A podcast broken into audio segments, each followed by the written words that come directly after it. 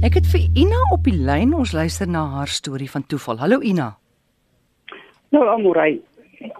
Man, weet jy, ek dink eintlik dis heel wat meer as toeval. Mm.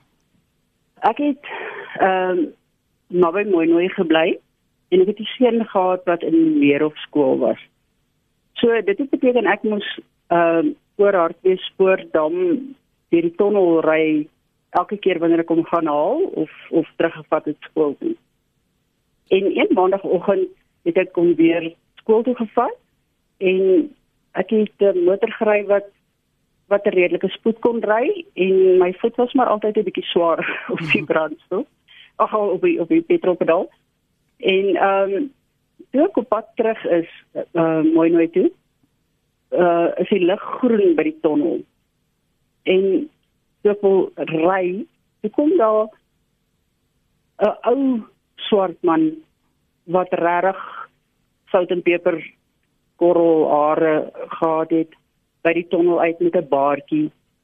Ehm um, as ek kon skilder sou ek hom graag vir jou wou skilder, so duidelik onthou ek dit vandag nog. En uh, hy ry op 'n fiets en hy wys vir my ek moet stop. Nou regtig as dit enige iemand anders was, sou ek waarskynlik nie gestop het nie. Maar ek dink toe die ou mona wil vir my iets sê. En ek stop. En die volgende oomblik kom daar 'n ander motor uit die tonnel uit. Nou daar is net plek vir een motor in die tonnel op 'n slag. So as ek op daai stadium gery het, sou ek sou dit 'n kop-aan-kop botsing in die tonnel gewees het. Sjoe. En ek kyk om om vir die ou Mona dankie te sê. En weet jy almore, daar was net niemand nie. Ehm um, hy kon nie so vinnig ry hmm. dat hy al om 'n draai was nie. Daar was regtig net niemand nie. En dis hoekom ek sê vir my is dit ver meer as toeval. Hmm. Dit kon dalk 'n engel gewees het. Weet jy ek glo so. En en om my vader ons so goed ken, weet hy presies wie om te stuur ja. vir wie hy sal luister. Hoekom het jy gesê jy toe juis vir hom gestop? Jy sou nie vir enige iemand anders gestop het nie. Weet jy, ehm um, die dis hoekom ek sê ek wens ek kon sy gesig skilder. Mm. Die goedige ou gesig, né? Verrimpeld en op hierdie fiets. Mm. En die, en die ou handjie wat hy vir my gewys het ek moet stop. Dit was dit was regtig ehm um, luister na my. Mm. Dit het vir julle weet sê dit uitgestraal. Jy meen so goeie deurleefde gesig. Ja, ja, ja. En hoe lank terug het dit gebeur, Ina?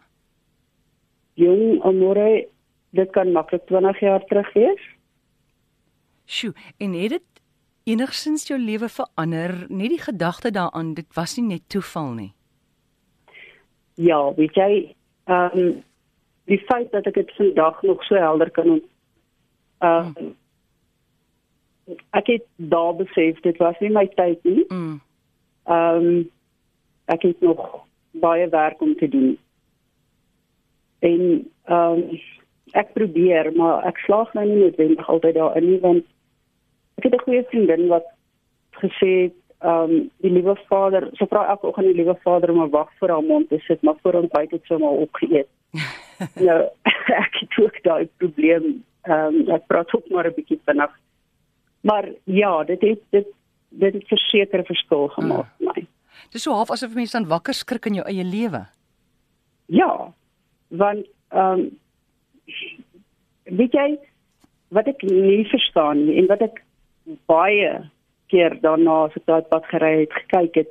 Jy kan sien as daar 'n motor aankom van die ander kant af. Tot laat hy basies amper in die tonnel ingaan, hè. Mm. Ek het niks gesien. Ehm um, so die motor moes al by die bek van die tonnel gewees het aan die ander kant. Ehm um, en maar soos ek sê, die lig was groen vir my.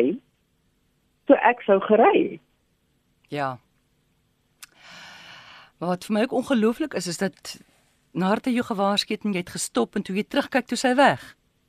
Hy was weet jy ek het regtig soos in 'n entjie vorentoe gery. Uh, Ek weet nie of jy daai pad al gery het nie. ek het al ja.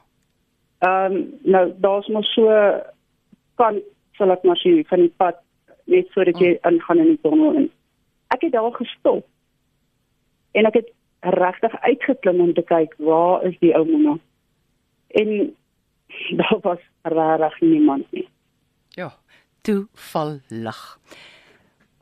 Baie As dankie jy Ina. dit so nie ja.